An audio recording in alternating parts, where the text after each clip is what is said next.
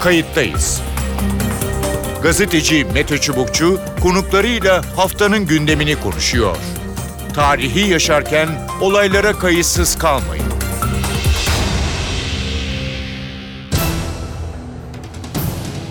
İyi günler bir kayıttayız programıyla daha karşınızdayız. Tarihe ışık tutmak ve olan biteni anlamak için önümüzdeki dakikalarda sizlerle birlikte olacağız. Ben Mete Çubukçu editörümüz Sevan Kazancı. Kayıttayız'da bu hafta Suriye'de sıcak çatışma noktalarından biri olan İdlib'deki gelişmelere bakacağız.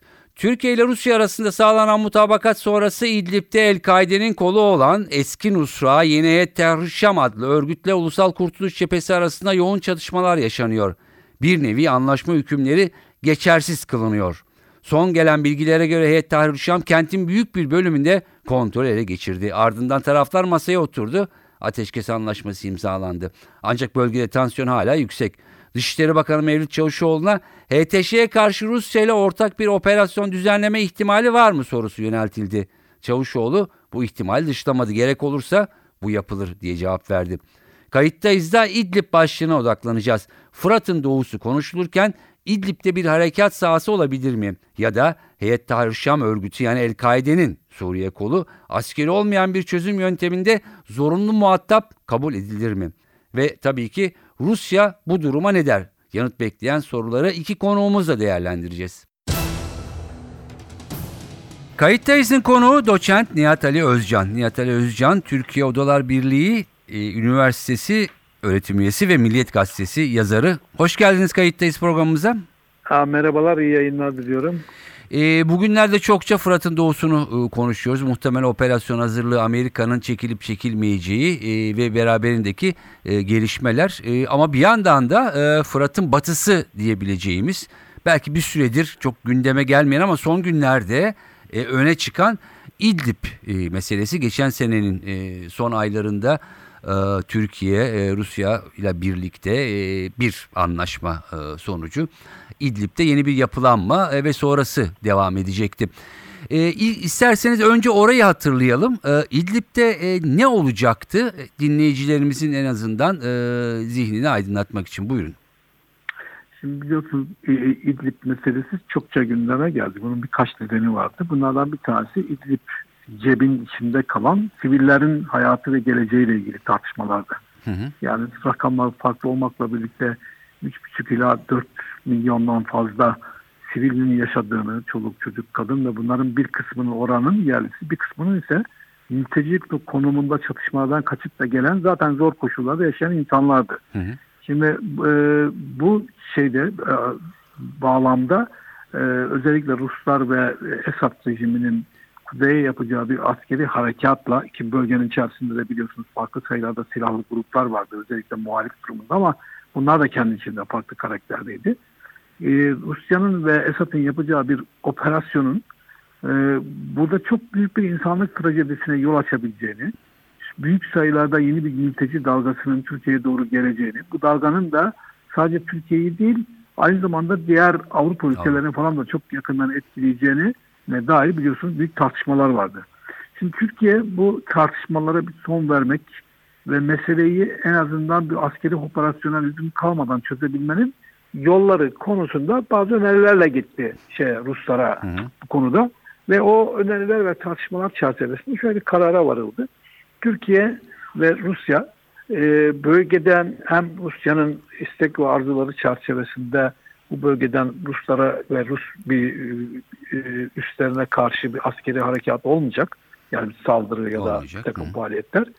E, buna karşılık Ruslar da e, Türkiye'nin bu e, İdlib cebinin dış çeperlerinde bazı Türkiye'nin gözetleme noktaları kurmasına ve e, böylece ateşkesin sağlanmasını konusunda mutabık kaldılar.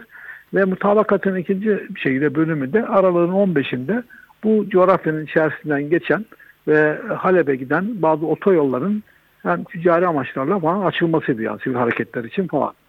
Şimdi bunun üzerine evet birincisi sağlandı burada bir ateşkes. Ee, Türkiye bu konudaki yani Ruslar kendi bölgelerinde, Türkiye kendi bölgesinde bazı gözetleme noktalarını inşa ettiler, kurdular, yerleştirdiler askeri birliklerini. Bu dış çeperlerdeki askeri hareketlilik minimize edildi. Yani kabul edilebilir evet. bir derecede düştü. E, ancak yolun açılması konusu önce 15 Aralık'a kadar tamamlanacaktı. Bu çok başarılı olmadı. Arkasından bu ayın sonuna bırakıldı yani Ocağı Aralık Hı. ayının sonuna. E, ve o sürede geçti ama buna rağmen henüz sonuç alınamadı.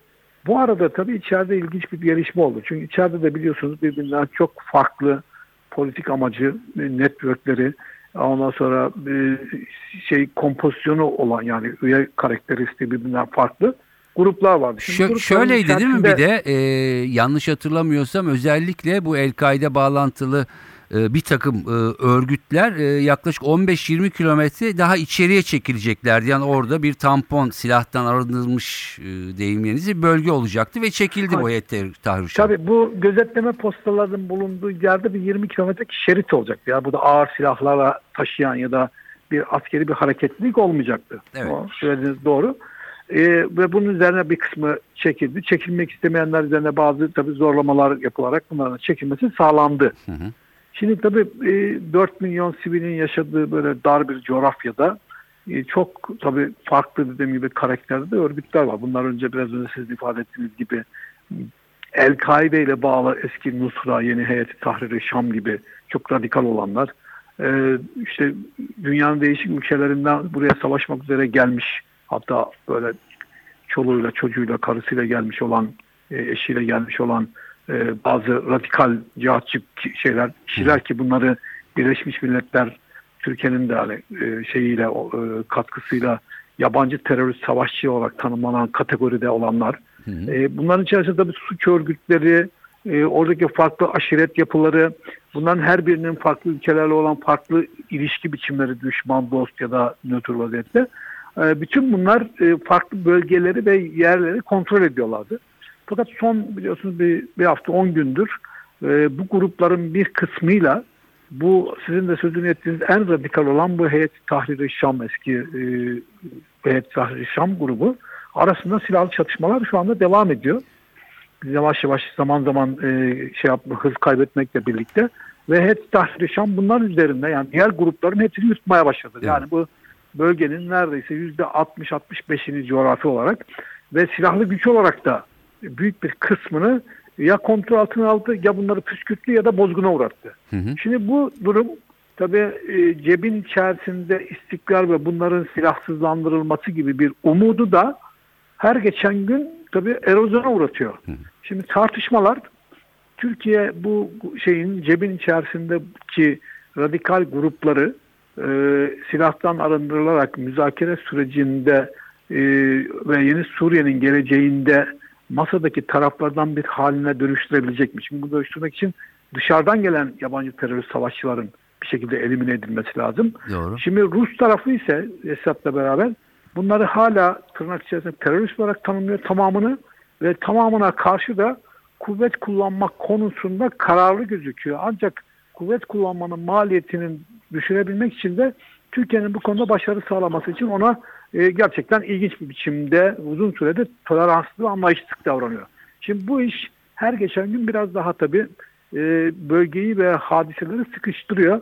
O yüzden anda kaygılar devam, tekrar başa dönmüş durumda. Yani buradaki sivillerin geleceği ne olacak? Buradaki silahlı militanlar ya da gruplar e, silahtan arındırılıp sisteme nasıl dahil edilecek sorusu şu anda farklı başkentlerin masasında doğrudan. Yani işte Şam'da ya da Tahran, Ankara'da, Moskova'da tartışılıyor. Ama tabii bunun böyle bir şeyin çatışmaya ve geniş ça- çaplı bir harekata dönüşmesinin de ortaya çıkaracağı insani trajedi ve dram hem Birleşmiş Milletler hem Avrupa'yı hem de diğer ülkeleri de kaygılandırıyor. Evet bu arada e, ya Nusra uzantısı bu örgüt e, özellikle merkezden çevreye doğru yönetimi eline geçirmiş e, durumda. Şimdi diğer örgütlerin bir kısmı e, teslim oldu. Bir kısmı silahlarını e, bırakmak durumunda e, kaldı. E, söylediğiniz gibi %60'ına şu anda hakim. E, geçen hafta e, ara sıra Ruslar da bombaladı e, bu örgütün bazı şeylerini, mevzilerini. E, burada şimdi e, Türkiye'den bir şey bekleniyor. Ee, hani kamuoyuna yansıyan bir Rusya'dan doğru sıkıştırma yok ama Heyet Şam bu kadar daha alanı biraz daha genişletirse ne olabilir? Ee, ne dersiniz? Yani şimdi e, bu tabii ilerleyen sonsuza kadar böyle sürmez. Fakat e, öte yandan tabii bu örgütlerin silahlarını bırakıp teslim olup bir e, pros yani bir e, müzakere sürecine de dahil olmak konusunda azlı ve istekli olacaklarını pek sanmıyorum. Yani benim kişisel kanaatim e, bu kadar büyük travmalar, e, bu kadar çok liderlik ve ideoloji rekabetinin olduğu bir yerde e, günün sonunda e, birileri güç kullanmak zorunda kalacak.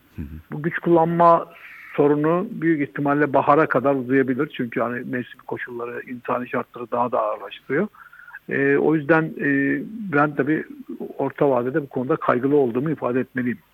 Çünkü oradaki e, problem e, evet yani çözülmedi. E, belki bir sürece e, bırakıldı ama bu süreç içinde de e, işler çok istendiği gibi anladığımız kadarıyla e, gitmiyor. Muhtemelen alanda bir takım görüşmeler de pazarlıklar da sürüyordur bu arada. Şimdi tabii ki yani, e, yani sonuçta e, bu işi üstlenen devlet kurumları yani Türkiye açısından söylüyorum. E, onlar tabii yereldeki dengeleri gözetip karşılıklı bir takım adımlar atarak ya da konuyu kontrol altına almanın yollarını arıyorlardır. Ki nitekim bu çabalarını neredeyse son bir senedir iki senedir sürdürüyorlar.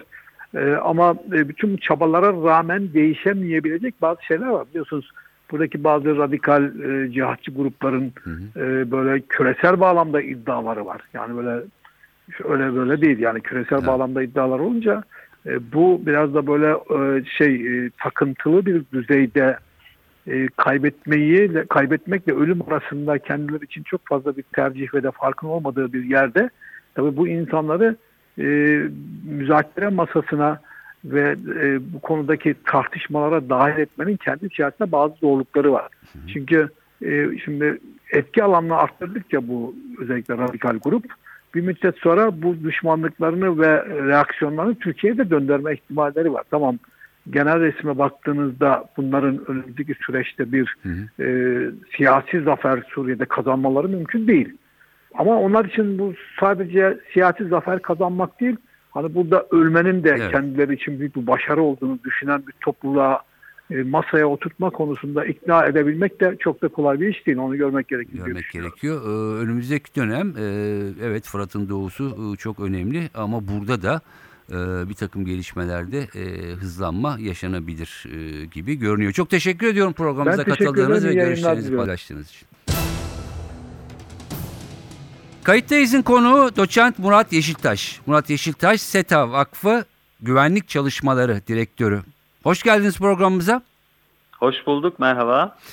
Ee, Fırat'ın doğusu derken batısında da son dönemde bir takım enteresan gelişmeler var. İdlib'den söz ediyorum. Orada bir mutabakat sağlanmıştı.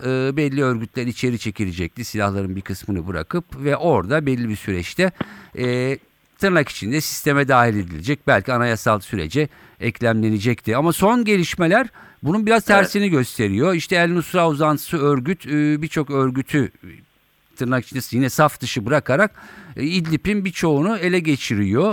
E, Türkiye'nin üzerindeki sorumluluk söz konusu. E, Ruslar bir şekilde bekliyor. E, ne dersiniz? Ne oldu? Bu Heyet Tahrir Şam yani Nusra e, uzantısı örgüt neden birden böyle harekete geçti? Ne dersiniz? Yani Türkiye'nin İdlib anlaşmasıyla birlikte e, kademeli bir şekilde ulaşmak istediği bir hedef vardı. Hı. Nitekim ortaya koyulan bu hedefe e, Rusya'da ikna olmuştu ve İdlib'de bir anlaşma ortaya çıkmıştı. Öncelikle Rusya'ya bir güvenlik garantisi sağlanacaktı. Türkiye bunu e, başarabildi. E, HTŞ'den Ruslara yönelik gerçekleşebilecek muhtemel saldırılar konusunda bir tampon bölge oluşturulmuştu. Daha sonrasında tabii Türkiye'nin e, yapması gereken e, çok ciddi bir süreç vardı. O da İdlib içerisinde e, sayıları HTŞ açısından baktığımızda 13 bini 14 bini bulan Hı hı. bir e, savaşçı e, sayısını hem elimine etmek hem de HTŞ'nin varlığına son verecek bir siyasal konteksi, siyasal e, durumu ortaya çıkarmaktı. Evet. Bu da elbette HTŞ'nin içerisinde yeni bir tartışmayı başlatmıştı e, ilk zamanlarda. Bu tartışmalardan bir tanesi şuydu. E, bu bunun içerisinden kopacak savaşçılar ve e, ulusal cepheye yani milli e, ordu cephesine katılacak e, savaşçıların katılmaması konusunda HTŞ'nin hem içerisinden hem de dışarıdan El-Kaide bağlantılı e, özellikle Vahabi Selefi e, e, ne diyelim e, ekol tarafından ciddi fetvalar verilmeye başlandı. Yani bu örgütün içerisinden ayrılıp Türkiye'nin saflarına desteklediği e, grupların saflarına katılmanın yanlış olacağı e, değerlendirildi. Hı hı. Tabii öte taraftan da e, ciddi manada bir güvensizlik oluştu. Yani bu grupların e, rejimin veya Rusya'nın muhtemel bir saldırısıyla karşı karşıya kalıp kalmayacağı konusunda bir garanti ortaya e, o garanti göremediler. E, nitekim e, bu garantiyi görmemelerinden e, dolayı da hiçbir zaman e, ne silahlarını bıraktılar ne de örgütü yani HTŞ'yi e, ilga etmiş oldular. Yani ortadan kaldırma konusunda bir adıma e, gittiler. Tabii e, bu İdlib'de meseleler çözülmüş derken e, önemli ölçüde Suriye'nin ekseni Fırat'ın doğusuna kaydı. Evet. Hatta daha da öte e, bir tür bu siyasi geçiş süreci, anayasa komisyonlarının e, toplanması, çalışması, anayasanın yazılması gibi daha e, orta vadeli ve siyasi çözümün ortaya çıkmasına yönelik bir zemine kaydı. Tabii Fırat'ın doğusu da en önemli bence zemin kaymasını beraberinde getirdi. Amerika'nın çekilmesi meselesi. Dolayısıyla HTŞ bu süre zarfı içerisinde diğer gruplarla e, yürütmüş olduğu müzakereler de başarıya ulaşmadı. Hem de Türkiye'nin yürütmüş olduğu müzakereler de başarıya ulaşmadı. Yani Türkiye öyle ya da böyle HTŞ'nin bu süreçten e, kendisini dağıtarak çıkacağından e, aslında önemli ölçüde emindi. Ama tabii bu gerçekleşmedi. Amerika'nın çekilmesiyle birlikte Suriye'nin evet. aslında bütün e, sahasında bence durum değişti. Herkes pozisyonunu yeniden e, ortaya koymak ve yeniden tanımlamak zorunda kaldı. Çünkü Amerika'nın çekilmesinin e, ciddi manada e, sahada karşılığı olabilir hı hı. bütün aktörler açısından. Önümüzdeki günlerde bunu daha çok hissedeceğiz. Yani rejim belki e, konsantrasyonunu Fırat'ın doğusuna ver, verecek. İranlı Şii milisler belki e, oraya verecek. Rusya zaten onu istiyor. Türkiye Fırat'ın doğusunda vesaire derken İdlib'de bir anda bu e, güç boşluğu tartışmasından HTŞ diğer grupları hedef almak suretiyle çok ciddi bir ilerleme kaydetti. Yani dikkatlerin dağılması ya yani dikkatlerin başka bir yöne Dikkat, e, evrilmesi anlı evet. Dikkatler hem dağıldı hem de bu yeni pozisyon arayışı HTŞ'yi önemli ölçüde ben İdlib merkezinde yeniden güçlenirsem evet. e, çünkü şöyle bir eleştiri yapıyor HTŞ bu Suriye devriminin e, başarıya ulaşmamasının arkasındaki en temel neden çok farklı gruplara ayrılmış olması muhalefetin. Hı hı. Ya da e, hem işte ideolojik olarak farklı gruptalar, sayı, miktar, nitelik bakımından farklı e, gruplara ayrıldılar.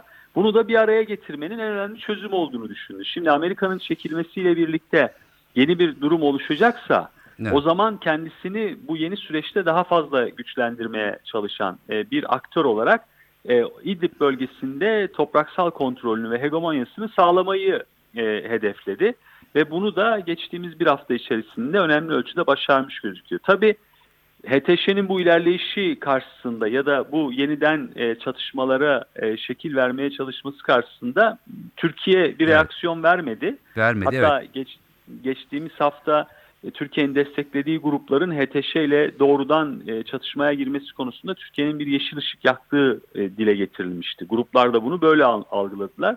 Ama özellikle Nurettin Zengi gibi aktörlerin, silahlı grupların hızlı bir şekilde yenilmiş olması HTŞ karşısında diğer muhtemelen silahlı grupları da aslında teşvik e, savaşma konusunda cesaretlerini kırdı. kırdı e, evet. Türkiye'de askeri pozisyon almayınca çünkü Türkiye e, Fırat'ın doğusunda bambaşka bir süreç var. Yani evet. ordunun üçte biri e, efendim Türkiye'nin Suriye sınırına şu anda e, yığılmış durumda ikmal lojistik anlamında. Fırat'ın doğusunda nasıl bir senaryo ile karşılaşacağımızı bilmiyoruz.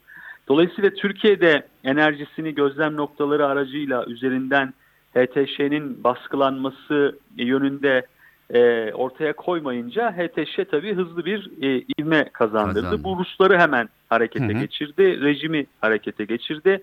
Ruslar özellikle İdlib'in güneyinde e, ciddi bir tahkimat yaptılar.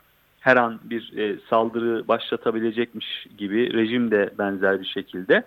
Dolayısıyla şu anda İdlib'deki mesele büyük ölçüde Türkiye ile Rusya arasındaki o ta Soçi'de yapılan anlaşma üzerinden ilerliyor. İlerliyor, evet. E, şimdi e, kanaatimce eğer e, Putin'le Cumhurbaşkanı Erdoğan arasında bir görüşme gerçekleşirse, yüz yüze bir görüşme gerçekleşirse İdlib meselesi de önemli ölçüde bir ilerleme kaydedilecek noktaya taşınabilir. Evet. Peki e, ne dersiniz? Yani e, Ruslar bu anla tırnak içinde bu, Türkiye'yi bu anlamda biraz sıkıştırabilir mi ya da yani eğer siz yap zaten. yani e, anlaşmayı şey yapamıyorsanız biz burada harekete geçeceğiz e, diye bir bir takım senaryolar da var tabii. Bunlar yani komplo teorisi olabilir bilemiyorum. İşte rejimin de bir şekilde e, bu radikal unsurların önünü açtığını e, hani Türkiye'yi de zor durumda bırakmak ya da Rusya'nın önünü açmak bombardıman için ne dersiniz? Yani bu iki ikisi de aslında benim de e, biraz yakın olduğum e, bir yaklaşım. Hı hı. Te, komplo teorisi demek ne kadar doğru onu bilemiyorum Anladım. ama kuşkusuz e, İdlib'de Rusya'nın e, belli bir yere kadar bence e, opsiyonu var. Evet. Türkiye ile e, anlaşmayı sürdürmek konusunda. HTŞ eğer İdlib'de daha fazla e, bir alanı kontrol edip bütün muhalefeti oradan e, dışarı atmaya yönelik e, bir hamleye girişirse bu çok ciddi bir riski beraberinde getiriyor. Çünkü HTŞ şu anda e, bölgedeki e, nüfus nüfusu önemli ölçüde e, kendisine bir kalkan olarak da kullanıyor. Evet. Yani şehrin asıl kalabalık mevcudiyeti HTŞ tarafından kontrol Kon- ediliyor. Hı hı. Bir de bunun üzerine muhaliflerin oradan dışlanması gibi bir durum söz konusu olursa başka bir e, İdlib e, çatışma potansiyeli e, gündeme gelecektir.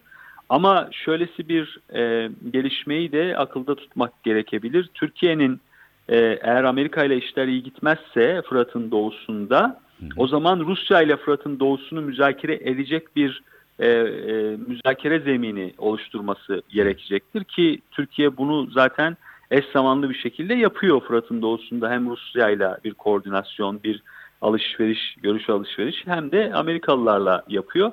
İşte o zaman Rusların e, açtığı alan kadar e, İdlib'in e, pardon Fırat'ın doğusunda İdlib'den daha fazla e, feragat etmek durumunda kalınabilir Hı hı. e, Türkiye açısından Evet. veya muhalefet açısından. O zaman tabii İdlib'e yönelik bir e, operasyon da gündeme gelecektir. E, HTŞ'ye yönelik bir operasyon gündeme gelecektir. Ama Türkiye ile Rusya anlaşırsa İdlib konusunda ben önümüzdeki günlerde Türkiye'nin desteklediği milli ordu unsurlarının HTŞ'ye yönelik ciddi bir operasyon başlatma ihtimalinin yüksek olduğunu düşünüyorum. Evet yani e, önümüzdeki e, dönemin e, gündem maddelerinden e, birisi de e, bu ama dediğiniz gibi muhtemelen e, HTŞ ve benzer örgütler bu biraz dikkatin Fırat'ın doğusuna e, yö- yönelmesiyle birlikte burada Evet. e, alanı kontrol etmeye çalışıyorlar. E, önemli gündem maddesi olacağı benzer. Çok teşekkür ediyorum e, Murat Yalçın. Peki ben Çok teşekkür, teşekkür ederim. ediyorum. Murat Yeşiltaş, e, SETA Vakfı Güvenlik Çalışmaları Direktörüydü. E, yorumlarını bizimle paylaştı. Evet Fırat'ın batısında da durum böyle. Dikkatler doğuya yönelmişken batıda beklenmeyen bir gelişme oldu. Ancak bu önümüzdeki günlerde de muhtemelen hem Türkiye'nin hem Rusya'nın gündeminde olacak. Belki Türkiye-Rusya e, görüşmesiyle de bu konu daha ciddi, daha yoğun olarak ele alınmaya başlanacak. Ama doğuda olduğu gibi batıda da böylesine bir hafif kaynayan bir kazan olduğunu İdlib'in söyleyelim. Kayıttayız bu haftalık bu kadar. Ben Mete Çubukçu, editörümüz Sevan Kazancı. Haftaya farklı bir konuda birlikte olmak amacıyla hoşçakalın. Kayıttayız. Gazeteci Mete Çubukçu konuklarıyla haftanın gündemini konuşuyor. Tarihi yaşarken olaylara kayıtsız kalmayın.